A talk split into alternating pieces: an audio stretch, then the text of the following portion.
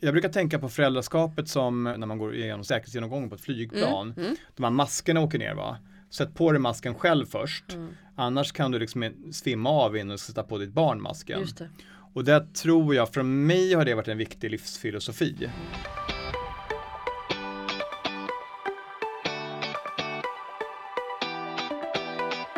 Hej och hjärtligt välkommen till Päronsnacket. Podden där Päron snackar just om föräldraskap och karriär. För kan man verkligen ha en karriär och vara förälder samtidigt? Ja, det är just det vi ska ta reda på genom att jag, Klara Maria Mach, intervjuar framgångsrika föräldrar om hur de tänker kring detta ämne. Så nu kickar vi igång. Varmt välkommen!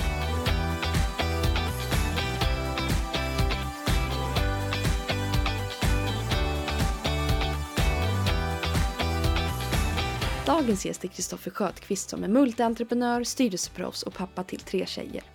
Han grundade sitt första företag som 22-åring och 11 år senare blev han pappa för första gången. Förutom sina bolag är Kristoffer en av Sveriges mest eftertraktade föreläsare inom affärsrelationer och han är en van poddare.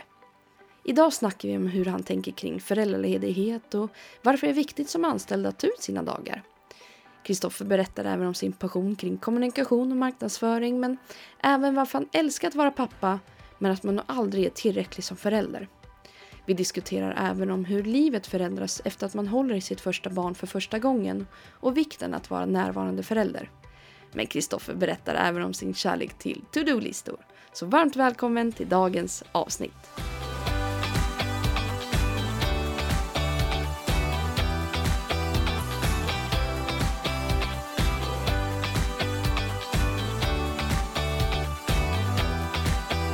Hej Kristoffer, varmt välkommen! Ja men tack, vad härligt att vara här. Ja men tack snälla, hur är läget? Eh, jo men det är jätteroligt. Det är ju eh, det är en fin dag i Stockholm idag och jag försöker liksom hålla humöret uppe och ja, ta så mycket solstrålar som jag kan. Ja, och det, jag tycker du är en solstråle själv du. Tack! Detsamma ska jag säga då. Tack snälla! Man blir som glad av ditt skratt också. Jag tror Jaså? att det är viktigt. Vad roligt, nu blir jag lite så här generad nästan. Men då tänker jag så här, vi får lära känna Kristoffer med fem snabba frågor. Ja, kör på. Ordning och reda eller ordning via kaos? Ordning via kaos. Gå på kurs eller learning by doing? Eh, båda. Båda? Absolut. Jag, välja. alltså, Ah. Grejen är så här, jag älskar att gå i skolan. Eh, jag gjorde inte det när jag var ung, men Jaså? numera så älskar jag att lära mig nya saker. Mm. Men jag skulle säga att min största skill i livet är learning by doing. Ah, okej. Ja, då förstår jag båda. Jo men alltså fatta vilken lyx det är att Nej, sitta ja, i visst. skolbänken och lära sig nya saker och, och interagera med andra människor och få diskutera saker. Mm. Särskilt som, eh, om man nu får kalla sig vuxen, så är, det har det varit bland de roligaste sakerna jag gjort i mitt liv. Det är att plugga sig på senare år. Ja, men snyggt. Men då tar vi sova på saken eller ta snabba beslut? Ta snabba beslut. Åka skidor eller åka longboard? Ja det är båda då, men eh, jag älskar att åka skidor. Alltså jag är helt passionerad kring det. Men sen så, jag åker ju longboard, alltså skate, longboard, eh, i stort sett varje dag till jobbet på sommaren. Eh, och om du pratar om en surf longboard, då väljer jag ju den. Är det så? Ja, surfa är ju helt underbart. Men, Varför men, det? Nej men det är ju en känsla av total närvaro. Mm. Eh, och jag tror vi kommer, jag tror vi kommer, jag kommer dra den här podden lite grann åt det sen också. Ja. Men att vara totalt närvarande, att inte kunna fokusera på någonting annat. Det Mm. är ju liksom drömmen med vågsurfing. Mhm. Så att eh, det tycker jag är helt underbart. Och, och skidåkning för mig är ju någonting som jag måste göra ganska ofta. Men Eh, det, du känns som en så här riktigt cool skidåkare också. min pappa är från Åre så att jag är ju någorlunda uppväxt på skidor. Sista frågan då, marknadsföring eller sälj? det är samma sak. Ja, Eh, tycker jag. ja Så att- förklara. Nej men jag tycker att eh, den marknadsföring som inte jobbar åt sälj, den är ju bortkastad. Mm. Eh, jag tror att oavsett om man med marknadsföringen vill bygga varumärke så är det ju att man på lång sikt vill skapa ökad lojalitet från kunder och sen Mm. på sitt sätt skapa då försäljning. Alla, de allra flesta företag som finns i världen idag har en idé att de vill tjäna pengar. Ja. Eh, och det är inte av, liksom, av ondo utan det är ju för det, det som hela fortlevnaden ja, av visst. företagen går ju ut på att tjäna pengar. Mm. Och jag tycker man glömmer bort det alldeles för ofta. Mm. För det roliga är ju med det här, det är ju så här, du är ju multientreprenör, styrelseproffs, föreläsare. Men jag skulle även klassa dig till affärsrelationsnörd. Får jag göra det? Ja, ja verkligen. Det, och det är ju någonting som jag verkligen brinner för. Ja. Jag är ofta ute och föreläser om just hur företag kan bli ännu bättre på att ta hand om sina kunder, Mm. men också sina kollegor. Men varför är det så viktigt eller roligt? Nej, men jag tycker att eh, man underskattar styrkan i just relationerna och Mm. många företag är alldeles för fokuserade på sin produkt eller sin tjänst eller sin Mm. idé och glömmer bort att det är människor som gör affärer med människor. Och genom att sätta lite nya tankar och lite nya perspektiv eller för den delen att ta fram gamla självklarheter och lägga dem Mm. längst fram i huvudet. Så, så, så liksom blir folk mycket bättre och företag börjar tjäna ännu mer pengar genom att börja fokusera på vem de gör affärer med och hur de gör affärer Mm. och hur de beter sig både mot sina kunder men också internt på sina, i sin kultur, i bolaget, på kontoret. Mm. Nej men det är ju verkligen så. Det roliga med dig också så här, för när man har lyssnat på, lyssnat på en föreläsning i Uppsala tror jag att det var. Eh, och där har ju du också berättat att så här, kommunikation beror också på hur, hur man ska få fram saker till vem. Men att man kan göra det på så många olika sätt också. Ja, verkligen. Nej, men, och, och jag tror att på något sätt, om vi pratar om affärsmässigheten i det här, Mm. så är det så att vi älskar att göra affärer med människor som vi tycker om. Mm. Ehm, och människor smittar av sig på varumärken väldigt mycket. Och jag tror att det där är, folk känner till det här, ja, men det är lite svårt att veta vad man ska göra med det. Och det är det Mm. jag åker runt och pratar om. Och jag tycker Mm. det är superspännande, för det blir så otroligt intressant engagemang för Mm. företagen. Och de tar ju verkligen studs framåt när de får mer energi i det. Så det tycker jag är roligt. De bara säger, ja just det, det är det här vi menar egentligen. Exakt så. Ja. Det roliga med kommunikation också, det är att jag har ju läst att du har ju ljugit lite i din barndom för att få jobb också. Eh, ja, jag, jag, du kanske hänvisar till att jag som 17-åring Ja. lyckades snacka till mig ett jobb som reseledare på en, Ja. eh, rese, på, på en researrangör. Eh, så det var nog en eh, liksom hyfsat vit lögn ändå. Jag tror de hade som krav att man kanske skulle vara 18 eller Just det, 20 år. Men som 17-åring så var man ju ständigt nervös för att någon skulle avslöja en. Mm. Särskilt som jag då åkte med busslasser av gäster som då skulle då gå på restauranger där jag egentligen inte ens fick vara. Mm. Eh, Ja. så, jag är inte här egentligen. men då var det väldigt snyggt att ha den där reseledarjackan Ja, på sig. precis. Ja, så var det. Eh, för om vi ska gå vidare lite på lögner och sådär. Har du Mm. någonsin ljugit om hur mycket du har jobbat eh, under liksom småbarnstiden? Eh, absolut, jag tror åt, åt båda hållen. Mm. Dels sagt att jag har jobbat för mycket, dels sagt att jag har jobbat för lite. Just det. Så jag tror eh, både överdriver och underdriver där. Mm. Och varför har man gjort det här då? Eh, jag tror det lite grann beror på vem man frågar. Eh, om jag skulle prata med mina kollegor, då vill jag gärna Mm. framhäva att jag jobbade väldigt mycket. Just det. Eh, Ja. Och eh, vill jag prata med eh, mina, mina barn så vill jag gärna framhäva att jag eh, jobbade väldigt lite och Mm. var väldigt mycket med barnen. Mm. Så att jag tror att det finns eh, också en, en bias i det, att man för att försvara sig själv och sitt eget agerande Mm. också kanske drar upp eller drar ner de där eh, mentala siffrorna i huvudet. Mm. Så jag tror kanske inte att man så medvetet ljuger, jag tror Nej. bara man, man, man vill liksom vara bättre Ja, själv. just det. För jag menar, du har ju tre döttrar och sen fyra bolag i ryggen också. Mm. Hur, alltså har kombon pappa och företagare varit som du har tänkt dig? Jag tror ingenting är som man har tänkt sig när man blir pappa. Mm. Eller när man blir förälder överhuvudtaget. Ja. Jag tror att liksom från den här dagen när jag satt första eh, dagen på BB med min första dotter Mm. och tittade henne i ögonen i en timme så fattade jag att mitt liv kommer aldrig bli sig likt igen. Mm. Eh, så jag tror att det är väldigt svårt att förutse vad man ska göra. Mm. Och jag, när jag pratar med eh, folk inför deras mammaledighet eller pappaledighet eller Mm. de är gravida för första eller andra Mm. gången. Så, så eh, och, och de kommer med så här, ja ah, men vet nu ska jag vara mammaledig eller pappaledig här och Ja. jag ska skriva böcker och jag ska spela in podcast och Ja. jag ska göra det här och det här och det Mm. här under tiden och jag hör av mig varje vecka för att kolla in.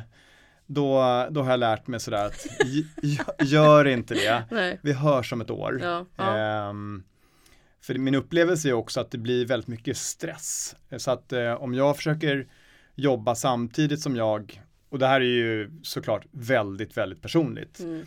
Men i min upplevelse, om jag försöker jobba samtidigt som jag är pappa ledig så kommer jag ju eh, känna mig stressad för allt. Just det. Mm. Jag kommer ju känna mig stressad för att jag inte eh, hinner hantera eh, mitt barn på det sättet som jag kanske skulle vilja göra. Jag kommer känna mig stressad för att de kollegorna på jobbet tycker att jag kanske borde vara mer närvarande och vara mer där. Mm. Och när jag har mött andra människor som har varit kollegor till mig eller anställda, då, har ju, eh, då är det bättre att skicka, faktiskt skicka iväg dem helt ett år. Eh, ja. Eller de månaderna som de vill vara hemma Mm. och sen eh, inte prata om den tiden. Nej. För att de kommer komma tillbaka och vara Ja, jag jobbade ju, jag kände att jag var ju inte, jag var inte ledig någonting i Nej. upplevelsen av dem. Nej. Och våran upplevelse är vi har inte sett dem på ett år. Nej. Mm. Så att det blir liksom ingen, ingenting bättre i alla fall av det. Mm. Men har du varit pappaledig någonting? Jag har varit pappaledig, Mm. men i olika delar i livet. Nu Mm. senast när jag då fick, jag har ju en dotter som är strax fyller fyra år. Mm. Då eh, använde jag någonting som entreprenörer kallar K10, alltså ett löneunderlag i bolaget för att skapa utdelning ur. Och då blir det faktiskt inte lönsamt för mig att vara pappaledig. Nej. Sen har jag varit hemma, Ja. men, men jag har liksom inte Nej, registrerat precis. liksom, pappaledigheten i eh, alltså Skatteverkets databas. Jag har Nej. alltså inte tagit ut Precis. pengarna ifrån eh, skattemyndigheterna. Men det tror jag är ganska vanligt. det, det tror jag också. Jag har, in, jag har inte många dagar registrerade heller. Nej, jag menar det. Blir, jag vet inte. Ett, det blir så mycket lättare att inte göra det på Ja. något sätt. Eh, och sen så i början eh, så blev jag slumpmässigt utvald för att Mm. kontrollera eh, affärsplan, mina kunder, omsättning och så vidare. Och då bara det ser ut som ett standardmail men absolut. Ja. och sen till slut så bara nej det är så mycket lättare att inte hålla på med det där. Ja, nej, men precis. Och jag, jag ehm, kände också sådär, man plockar ut ehm, pappaledighetsdagar och sådär. Ehm, är, man anställd så ska man definitivt göra det Mm. maximalt. Mm. Eh, både för att liksom det är, det är ju otroligt gynnsamt och bra i Sverige att kunna vara mammaledig eller pappaledig. Ja, det är fantastiskt. Ja. Och, och det är ju också en win-win för företaget där man är anställd att kunna skapa en sån situation och en möjlighet. Mm. Det är ju unikt och häftigt tycker jag med Sverige. Mm. Ja. Men som entreprenör så kan det ibland bli eh, ekonomiskt bakslag på det. ja. Så att, eh, och jag tror att många entreprenörer kanske inte eh, Ja, det, jag tror att vi är lite lika du och jag. Jag tror inte vi har registrerat så många sjukdagar heller. Eh, Noll tror jag. Ja, exakt. ja. Så att eh, man kanske är sjuk och är hemma. Mm. Men man, man går inte in på liksom Försäkringskassan och registrerar någonting. Det tycker vi är för krångligt. ja men det är exakt så. Vi tycker inte att det är värt det. Det är lite så. Ja. Men om vi ska gå tillbaks till den tiden som när du och, och eh, eh, Sofie startade, ni var, du var 22 i alla fall. Mm. Eh, och då tänker jag så här. Många säger ju att när man går in i ett partnerskap, det är nästan som ett äktenskap, giftermål. Man Ja. kan ju knappt bli av med personen liksom. Men pratade ni redan då någonting kring så framtiden och barn och hur man ska tänka när man blir förälder?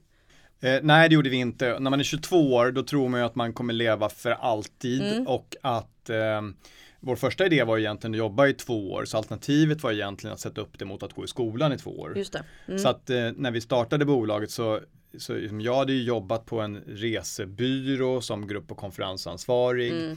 Sofie, min kollega, hon var ju otroligt så här, trevlig och rolig, hade jobbat i en bar och Mm. även jobbat på Citymail. Ja.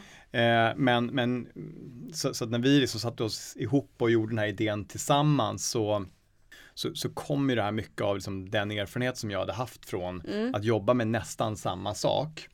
Eh, men Sofie fattade galoppen och, och, och, och det var ju det som hände också, att hon var ju den som varit mammaledig Mm.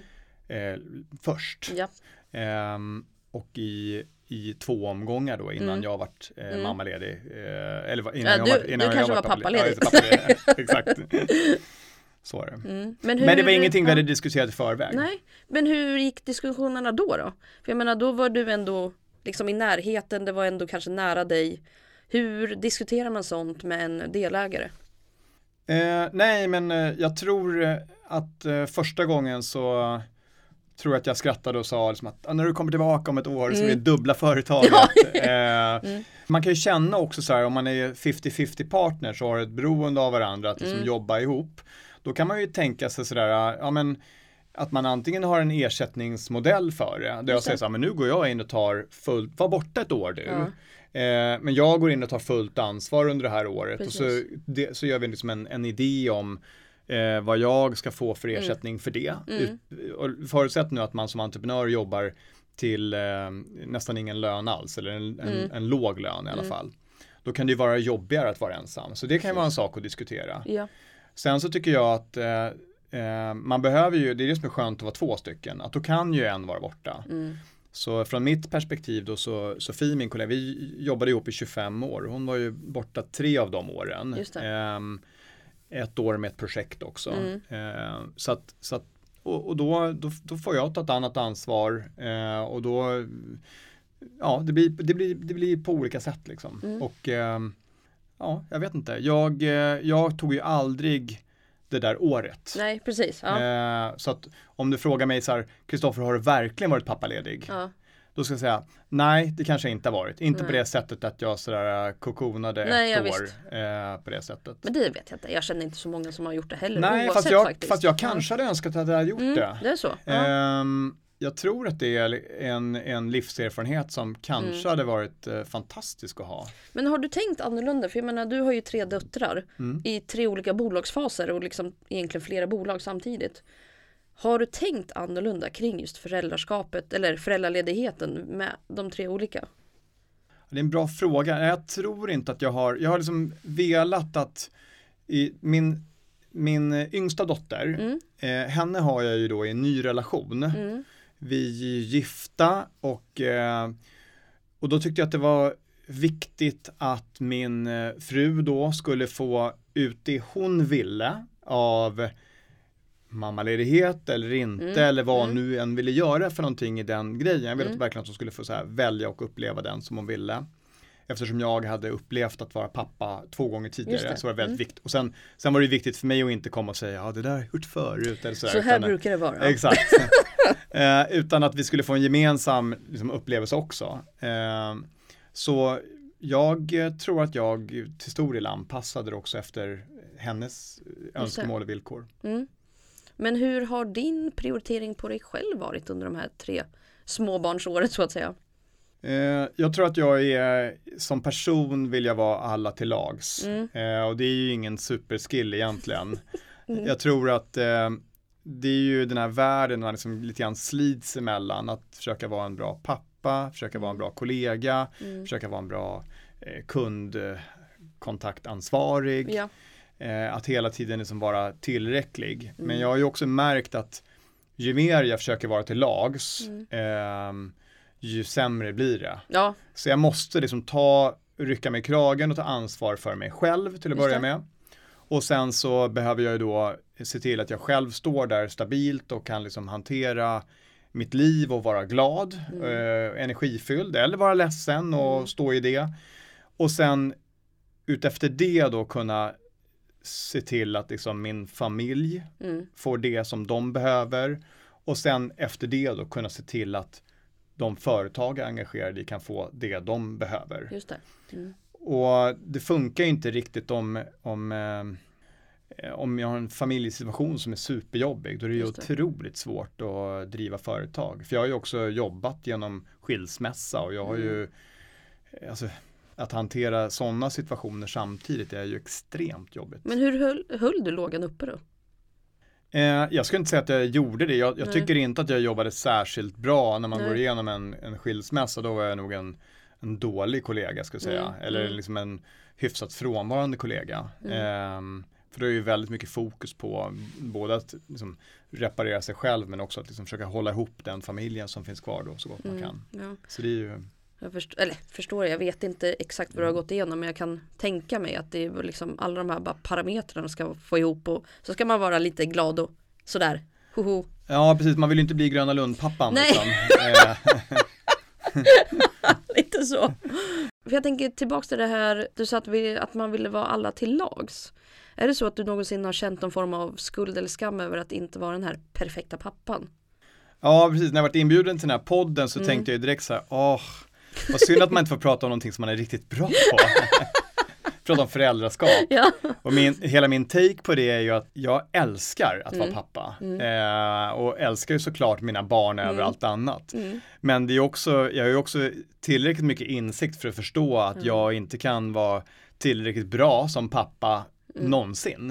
Eh, Men jag måste också finna mig i den situationen. Jag tror inte att någon kan vara tillräckligt bra förälder. Nej. Jag tror att liksom man kan, jag tror de flesta gör sitt bästa. Mm. Ehm, och frågan är bara om man kan hitta olika tankar och idéer och mål med att liksom bli lite bättre. Ehm, och jag tror att tittar vi någon generation tillbaka på hur mina föräldrar var mot mig eller Mm. hur deras föräldrar var mot mina föräldrar. Mm. Då kan man ju se en, en ganska snabb förändring i både hur vi ställer krav på oss själva som föräldrar eh, men också på hur eh, vilka möjligheter vi har och hur, liksom, hur våra, våra livssituation har, har förenklats. Och Mm. idag kan jag ju välja att eh, ja, till exempel inte jobba det. eh, Ja. och, och bara vara med mina barn. Mm. Jag tror inte att det skulle göra dem gott. Mm. Eh, och framförallt kanske jag skulle bli tokig. Eh, Den här lilla, åh jag vill vara med och barnen bara nej. Jo men jag kan vara med, nej. Så, så, så att det finns ju alla möjliga sätt på det där. Mm. Ehm, men jag tror att vårt jobb som föräldrar är liksom att bli lite bättre generation för generation. Mm. För jag tror att vi behöver alla bryta på ett bra sätt med tidigare generationer. Samtidigt ta med oss det bästa. Men sen också försöka bli oss själva. Men vad tar Eh, du med dig då från din barndom? jag tar med mig från min barndom, min, min upplevelse är att jag hade en väldigt sådär mysig Mm. barndom. Vi bodde Mm. i den här lilla skollådan Mm. eh, med två bilar som stod utanför. Eh, lilla runda berget liksom som eh, låg mitt emellan alla husen där barnen kunde springa och leka. Just det. Och om jag skulle göra en djupare analys av det Mm. så skulle jag nog säga att jag fattar ju att det är inte riktigt, när jag var liten så, så låg jag där äh, på något sätt och skrek i den här äh, barnvagnen eller i vaggan och eh, fick, liksom, det är svårt att ge någon perfekt uppmärksamhet då. Just det. Eh, och kanske har det då i mi, min tur då skapat någon slags eh, oproportionerligt skicklig egenskap att eh, charma personer eller att eh, få ett bekräftelsebehov eller vad det nu kan vara för någonting. När jag kommer till nästa läge då så ska jag ju ta hand om mina barn som ligger där i vaggan eller i vagnen. Eh, då måste jag ju försöka tillgodose deras behov ännu mer. Mm. Och jag tror den stora utmaningen som jag föreställer mig att jag har själv, det är att vara mycket mer närvarande i mötet med mina barn. Mm. Det är ju det som jag säger, åh, hur ska jag kunna vara med, ännu mer närvarande? Mm. För jag tror det är en sak att vara fysiskt på plats. Ja. Om vi bara går tillbaka där vi pratar om eh, huruvida man är hemma med barnen eller om man inte är det. Mm. Så frågan är som hur jag kan vara hemma på riktigt. Det. Att inte gå och grubbla över nästa affärsidé eller Nej. kolla telefonens flöde eller Precis. kolla på nyheterna samtidigt som jag hand om barnen eller vad det nu än är för någonting. Liksom. Mm. Så jag tror att det, det är liksom, det är helt två olika saker. Och det är så svårt. Nej men, för jag menar vissa stunder, för du frågade ju mig innan så här, hur, hur stressigt det är att liksom försöka hinna med allt. Och jag tänker så här, för man vill ju vara mamma och så ska man vara partner och så ska man liksom, och så ibland ringer det och så någon vill ha någonting och så kommer det på någonting och så bara men jag vill ju egentligen bara stänga av allt och bara sitta med min son liksom. Mm. Så nu har jag ju börjat lägga till och med mina telefoner i andra rum. Mm. Och det spelar ingen roll om det ringer. Till och med min man bara, ursäkta det ringer. Bara, jag hör. Men jag tänker inte bry Alltså så här, så viktigt kan inte det andra vara. Nej, exakt. Men det har ju tagit mig ett år att landa där. Mm. Ja, det liksom. förstår jag. Men jag tror att det, det är ett väldigt bra råd från din podd till Mm. dina lyssnare. Mm. Det är ju just det där att lägga bort telefonen helt. Ja. Sen när, i mitt fall så har jag ju tonåringar också. ja, Och då har man ju nästa utmaning, det är ju att de håller på med telefonerna. Så att de är ju eh, Då kan jag också- tänka mig dig framför bara, hallå, hallå, hallå. Ja men exakt och då, då försöker man ju då först att säga så här, Ja. men du får inte ha telefonen eh, bredvid din säng när du Mm. sover. Mm, Eh, du får inte ha telefonen efter ett visst klockslag. Eh, vi begränsar eh, datatrafik eller vad det nu Mm. kan vara för någonting. Och så försöker man liksom kämpa emot det här monstret Just som det. liksom tar eh, mina barn. Mm, Och till slut så liksom blir det där monstret överväldigt, det blir Ja. för stort. Det, är Ja. liksom, det blir för mycket bråk om Mm. det där. Så att det blir kontraproduktivt att liksom tjafsa om det. Samtidigt vill jag liksom inte uppleva mig själv och vara den här föräldern som säger, ja ja, ni kan komma hem nu barn och så kan ni sätta er på varsitt rum med varsin telefon och sen så ropar jag när det är mat så kan ni komma ner och hämta den och gå upp och äta på era rum. För så ser det ut i många familjer idag. Mm. Och dessutom det, skulle ju det potentiellt kunna gett mig tid att sitta och jobba istället. Och för många Eh, och det ser jag verkligen sådär ja, runt omkring mig. Så är jobbet kanske inte en nödvändighet utan det är, det är en flykt till någonting som man känner sig trygg med, där man känner sig duktig, som är liksom relevantare, enklare, eh, nu pratar jag om relevant Mm. i den världen. Ja. För det är ju inte relevant på riktigt. Mm. Utan eh, att många tillflyr eh, att sätta sig med datorn och jobba. Eh, bara av en vana men också som en flykt Mm. även när man är hemma. Gud vad det här känns träffande. Fick jag känna, bara kände pulsen bara. Ja det är sant, det är sant, det är sant. Japp, japp, japp. Ja, nej men då tänker jag så här. Mellanfråga. Ja, mellanfråga. Gud vad kul! Då tänker jag så här. Vi kör en Älskar liten. mellanfrågor, vad det än blir. Så fort jag fick ångest. Nej men då kör vi reactions på det här. Mm. Då har du fått lite smileys. Ja. Eh, det är, då ska vi se om du håller upp. några. Arga, ledsna gubbar. Det är eh, en glad och kärleksfull gubbe. Ja, så det här representerar förväntansfull. Okej. Det här är en crazy. En glad. Ja. En arg och irriterad. En chockad och en ledsen har du. Okej, ja, jag fattar. Så då kommer jag läsa upp tre eh, påståenden. Mm. Jag lägger dem här så kan Ja. jag då, Precis, och så kommer du, du får kombinera också. ja jag fattar. Eh, och så kommer du få förklara varför du har valt som du har valt. Mm, superbra. Då börjar vi. Att få barn under en företagsresa. Att få barn under en företagsresa? Mm. Eh, nej, det ska man inte ha. Eh, frågor, Ja. nej jag, jag, ehm, åh, då skulle jag vara ledsen, Mm. rakt av. Mm. Och varför det? Nej men tänk att missa sin barns födsel. Mm. Alltså det hade ju varit hemskt. Mm. Men eh, inte bara missa den från sitt privata perspektiv utan Nej. att inte vara där med sin partner när det händer. Just det. Att inte ja. kunna vara det stödet. Mm. Eh, men jag tror det där det är en eh, lose-lose. Så det är, men jag lägger inga värderingar i den situationen som de personer som upplevt det. Mm. Eh, men jag bara från mitt perspektiv Mm. så hade, hade jag varit väldigt ledsen om, om det hade hänt. För det är där, jag har ju, jag har ju några bekanta entreprenörsvänner som har missat just förlossningen. Mm. För att de hade stängt av en mobil på ett möte. Och barnet kom inte under BF-dagen som det var planerat. Just det. Ja. Nej och, och jag lägger som sagt jag lägger inga värderingar. Jag bara kan känna själv om det hade hänt mig så hade jag nog varit ledsen Mm. över att ha missat det. Eller jag hade varit jätteledsen. Mm. Att starta företag och eh, bli småbarnsförälder. Och då inte förlossning utan att man eh, är på väg till att bli pappa. Eller är pappa till små barn. Nej men det är ju jättebra. Mm. Alltså man ska alltid starta företag. Eh, Då, vad är din känsla då? eh, nej men jag, jag uppmanar eh, folk till att starta företag. Ja, Eh, så det tycker jag är jättebra. Entreprenörskap är jätteviktigt. Det behöver vi it's både, the shit. både för oss själva eh, men också för att eh, om jag kan eh, bli bättre på att uppfatta att jag upplever mina, att jag får mina egna drömmar genom Mm. Så tror jag att det är väldigt viktigt. Jag tror att det hade varit superjobbigt om jag hade suttit där om 20 år och, och skyllt på mina barn för att inte jag startade det där företaget. Ja, just det. Så har man känsla, och, och det där tror jag barnen kommer känna också. Mm. Så att, eh, nej men det tycker jag man ska göra. Mm. Eh, man ska starta företag.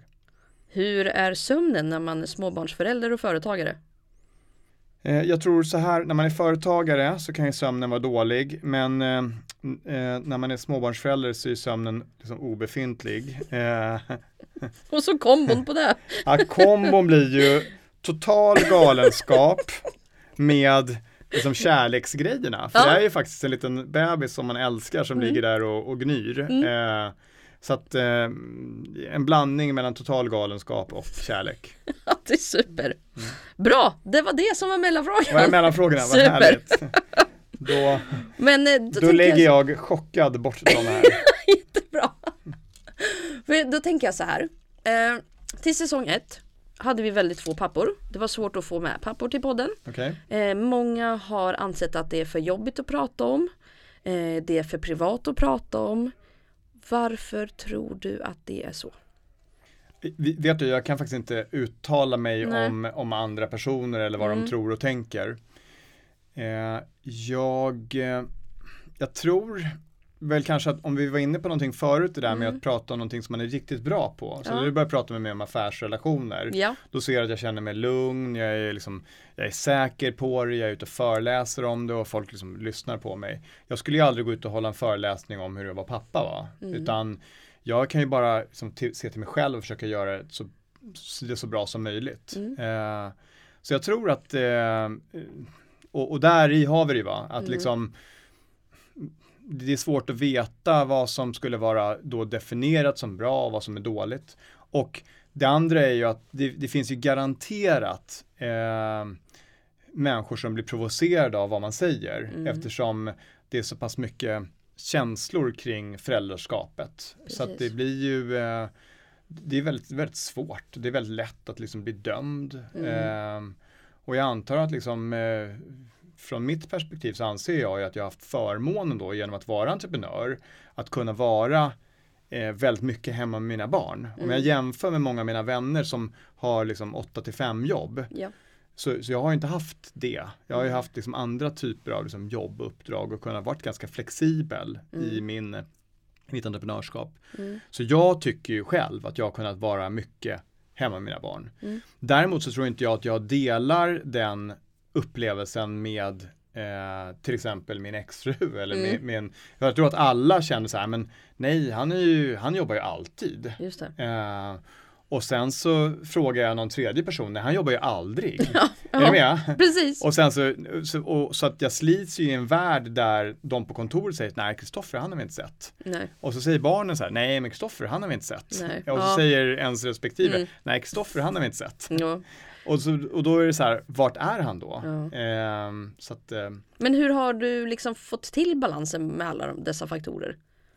nej men eh, jag är väldigt skicklig på att skapa värde i väldigt korta stunder. Mm. Så jag är väldigt kreativ. Och jag, min svaghet på det då, det är att jag är inte särskilt uthållig i alla, alla saker då. Så då, då blir det ju att eh, då behöver jag omge mig med människor som är bra på att liksom skapa långsiktighet. Mm. Eh, det gör ju också att eh, jag kan ganska snabbt sätta mig in i en situation, analysera den och komma med bra rekommendationer som Mm. både bygger på någon slags magrumpskänsla men också lång erfarenhet. Ja. Och efter jag har gjort det, då kan jag ju faktiskt åka hem. Mm. För då har jag ju skapat någonting som kanske har sparat tid åt någon annan eller det. skapat det där värdet som jag kunde ta betalt för. Ja, ja. Så att det har ju varit ett sätt att liksom hantera den situationen. Mm. Men sen tror jag det är väldigt viktigt att för att jag ska känna mig nöjd, lugn och närvarande, då behöver jag också känna mig nöjd med mitt liv. Mm. Eh, och för att jag ska kunna skapa den här livs, och nu, nu pratar jag kanske inte om mitt liv utifrån ett långt perspektiv. Nej. Jag pratar om dagen. Mm. Mm. Är jag nöjd med den här dagen? Kan jag, har jag bockat av några saker på listan? Och då så tror jag ju att just den här grejen att liksom kunna, kunna pricka av saker, det, det, liksom, det har varit viktigt för mig. Ja. Att kunna liksom känna att jag har gjort någonting. Mm. Men också för att komma till ett läge där jag kommer in i ett flow, då behöver jag till exempel som vi pratade om innan, åka skidor. Japp. Jag behöver kanske åka longboard. Ja. Jag kanske behöver eh, eh, gå och träna. Mm. Jag kanske behöver umgås med människor. Eh, eller vad det är nu jag får energi av. Mm. Och då kan jag bli kreativ. Det. Om jag bara skulle göra någonting som jag liksom inte känner att jag är riktigt bra på. Mm. Då skulle jag bli sämre och sämre och sämre, inte kunna skapa värdet. Och det bara drar energi också. Och då drar energi va? Så Ja. skapar jag liksom en nedåtgående spiral Ja. eh, istället för att skapa en uppåtgående spiral. Mm. Och eh, jag brukar tänka på föräldraskapet som, och här kan man ju verkligen vara olika, men jag brukar tänka på när, när man går igenom säkerhetsgången på, säkerhetsgenomgången på ett flygplan. Mm. Mm. De här maskerna åker ner va? Sätt på dig masken själv först. Mm. Annars kan du liksom svimma av innan du sätta på ditt barn masken. Och det tror jag, för mig har det varit en viktig livsfilosofi. Mm. Att se till att vara stark själv så jag orkar vara en så, så bra version av pappa som möjligt. Och för det, ah, Mm. liksom alla medel tillåtna tänkte jag säga, men liksom Mm. att kunna skapa det. Men tycker du att du har blivit en bättre pappa eller en bättre företagare sen du blev pappa?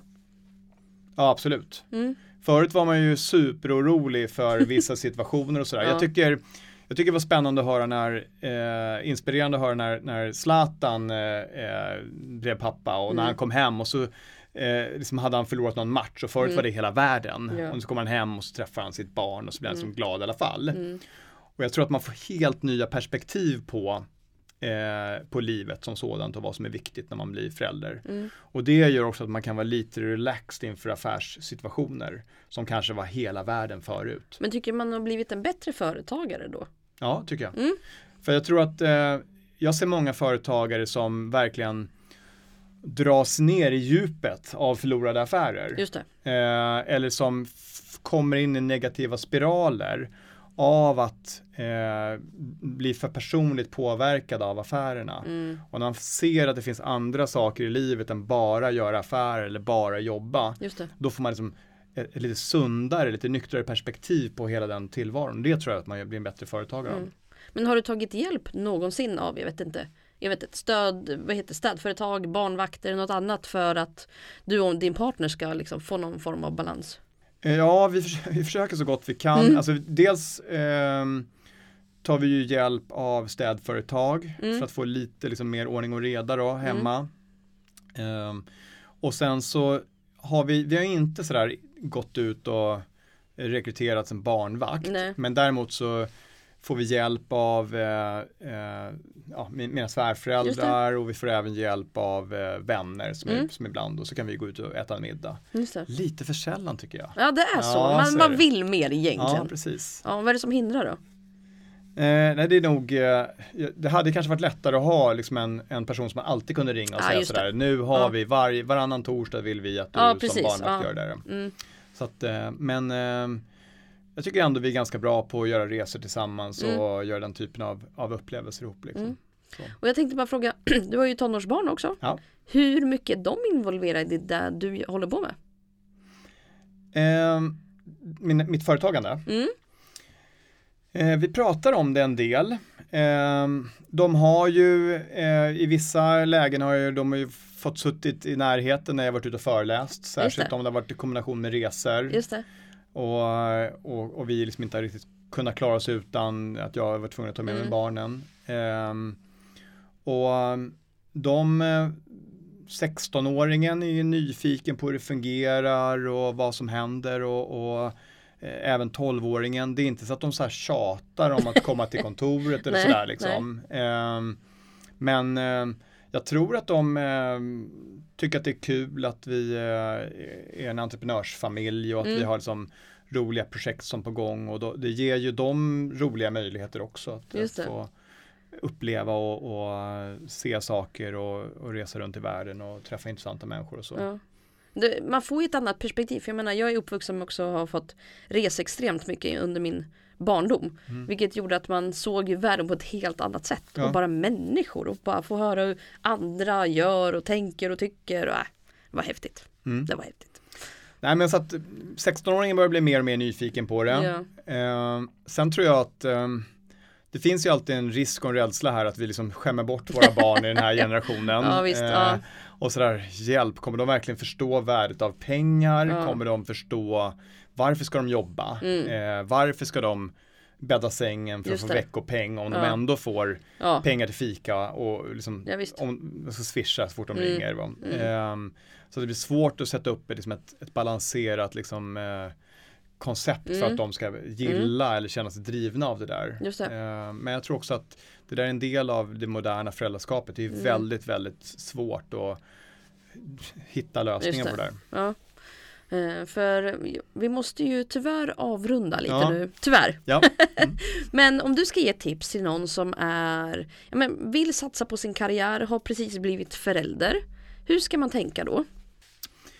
Innan jag vill göra det så måste jag Mm. berätta hur jag tänkte. För nu, alltså Ja. det, det som är så här lite spännande, om, som vi pratar om föräldraskap, det är ju om man har två stycken eh, dö- döttrar som Mm. är liksom lite äldre Ja, och sen så skiljer man sig. ja, Då är första tanken kanske sådär, "Nej, men jag ska ju inte skaffa barn igen. nej, ja, Eh, och sen så hamnar man liksom i, i en relation eller så och säger, men nej men jag ska inte ha några barn. ja, Men sen så kommer jag att tänka på det här att liksom, nej men att skaffa barn igen, ja.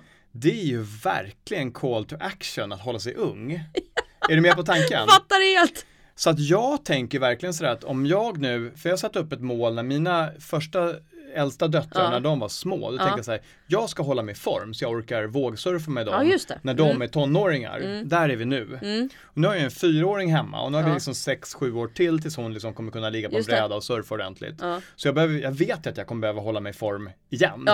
Så att för mig är ju barnen också ett sånt mål. Alltså att verkligen se till att jag inte bara mår bra utan även liksom känner mig i form för att kunna hålla mig ung länge i livet. Men alltså vilken bra tanke! Det här har typ inte slagit mig överhuvudtaget. Jag har inte tänkt så överhuvudtaget. Nej. Det här var jättebra. Eller hur? Ja, Ja. Mera. Ja. Har du någon till? Nej men det, det, det där är verkligen en sån där supergrej. Sen, Ja. sen tror jag vi som entreprenörer, Mm. när liksom det bubblar i vårt huvud, för det är ju våran grej va, att är liksom, saker händer Folk i huvudet brukar hela kalla tiden. oss för popcornhjärnor. Exakt. Mm. För mig så var det avgörande att lära mig skriva liksom to-do-lists Ja. och skriva ner idéerna. Så får jag den där idén så vill jag inte försöka hålla den i huvudet, jag skriver Nej. Min fru blir galen på att det ligger listor överallt Mm. hemma, men, men för mig är det sättet att ta ut det ur huvudet. Mm. Och nu har jag kommit så pass långt så att jag inte ens vet vad Just som det. händer liksom Ja. dagen efter. Mm. Så jag kollar på morgonen eller Ja. kvällen innan sådär, vad, vad jag behöver förbereda mig för. Och Ja. det är ganska skönt också. Och det. ibland kan jag göra en scanning över de närmaste två veckorna. Då slipper jag liksom gå och oroa mig för saker som ska hända i framtiden. Men visst är det väldigt bra skönt? grej. Ja, det är superbra. Jag har dock börjat både skriva på papper och i mobilen. Ja, ja, jag Så jag har också. två, två listor liksom, men sen så blir det lite så här, oj det här har jag skrivit några gånger, Bara, ja då är det dags att bränna av det. Men det är men- så skönt att bara få ut det ur huvudet. Ja, men jag skäms när jag använder mobiltelefonen hemma. Ja. För att jag vill ju, jag Ja, tjatar just på det. mina barn att inte det. använda den och jag vill inte att min, Ja. min yngsta dotter ska se mig sitta på mobilen. Så därför blir det lättare med papper och penna. Just det. Ja men lite så. Men sen tänker jag också, då blir man faktiskt mer närvarande när huvudet är rensat. Ja, Det blir ju så. exakt så. så att, ja. Men då är ju faktiskt jättebra tips. Två stycken. Mm. Håll dig i form, var ung och skön. Förälder. Och sen är det ju lätta huvudet med lister. Ja, och, och sen det tredje tipset som Mm. jag, eh, jag, jag tror ju så här att, att vara närvarande, det är ganska lätt att sitta och prata om. Ja, Ehm, och det är väldigt lätt att tycka och tänka hur liksom Mm. andra ska vara föräldrar och man kanske tittar snett på någon som låter sin dotter eller son sitta med en iPad vid Ja, bordet på en restaurang eller liknande. Och det är ganska lätt att, vara, att, att Mm. döma.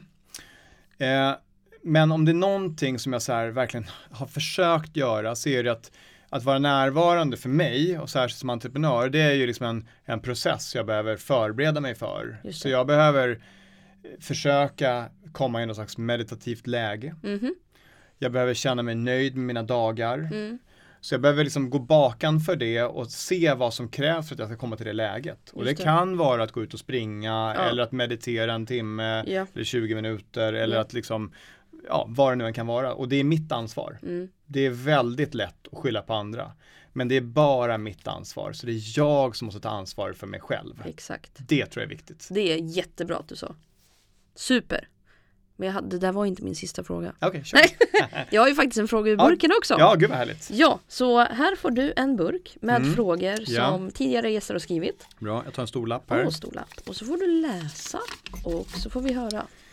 Eh, hade du velat gjort någonting annorlunda eh, och vad i så fall? Eh, absolut.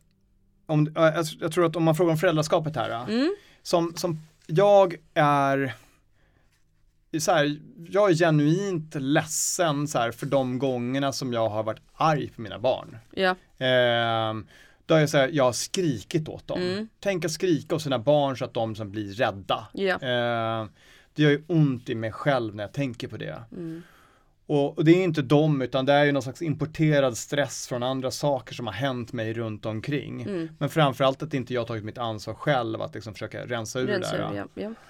Och eh, så jag, jag skulle vilja såklart liksom göra de här gångerna när jag har blivit arg ogjorda. Ja. Eh, jag är väldigt glad att jag liksom aldrig har liksom slagit mina barn eller, liksom, mm. eller gjort någonting sånt. Mm. Men, men ändå liksom bara att, att skrika åt barnen, det tycker jag är superjobbigt. Mm.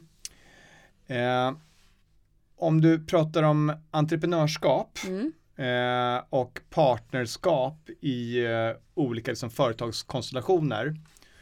Då är jag superglad att jag har blivit liksom, entreprenör att jag har liksom, låtit eh, liksom, skapat alla de här bolagen Mm. och kunnat fått liksom, min hjärna att få utväxling och hjälpa företag och människor att liksom skapa Ja. sin, sin business bättre. Men jag tror att jag kanske ibland har underskattat eh, hur viktigt det är att också ha tätare eh, ägardiskussioner i tidigt Mm. stadium. Mm. Jag tror att när man ska sätta upp ett bolag eller starta det så är det superviktigt att sätta sig i diskussioner om vad händer om någon vill lämna bolaget? Hur ska vi värdera dina aktier om du vill sluta? Vad kommer göras och så vidare. Då. Så, att, så att från ett entreprenörsperspektiv då så hade jag eh, kanske varit ännu bättre där. Inte bara tagit ord utan tagit även sådär eh, papper på det. Mm. Men som sagt, startar man när man är 22 som du sa, inte riktigt det första man tänker på. Nej, så kan det vara. Men jag, jag är ju rådgivare åt många företagare Ja. idag och jag vet Ja. att många sliter i Just ägarkonstellationer. Jajamän. Så det där är en av de vanligaste problemen som jag möter, det är att en person vill minska eller öka sitt engagemang i bolaget och att man inte är överens om det, för det var ingenting man pratade om för fem år sedan när man är det. startade eller tre år sedan. Väldigt vanligt. Eller hur? Väldigt vanligt. Mm. Ja men super Kristoffer. Stort tack för att du var med i Päronsnacket och att vi har fått ta del av hur du tycker och tänker kring allt det här. Ja, men jag är jätteglad för att vara här. Tack så hemskt mycket. Tack så mycket och ha det bra. Hej svejs! Hej.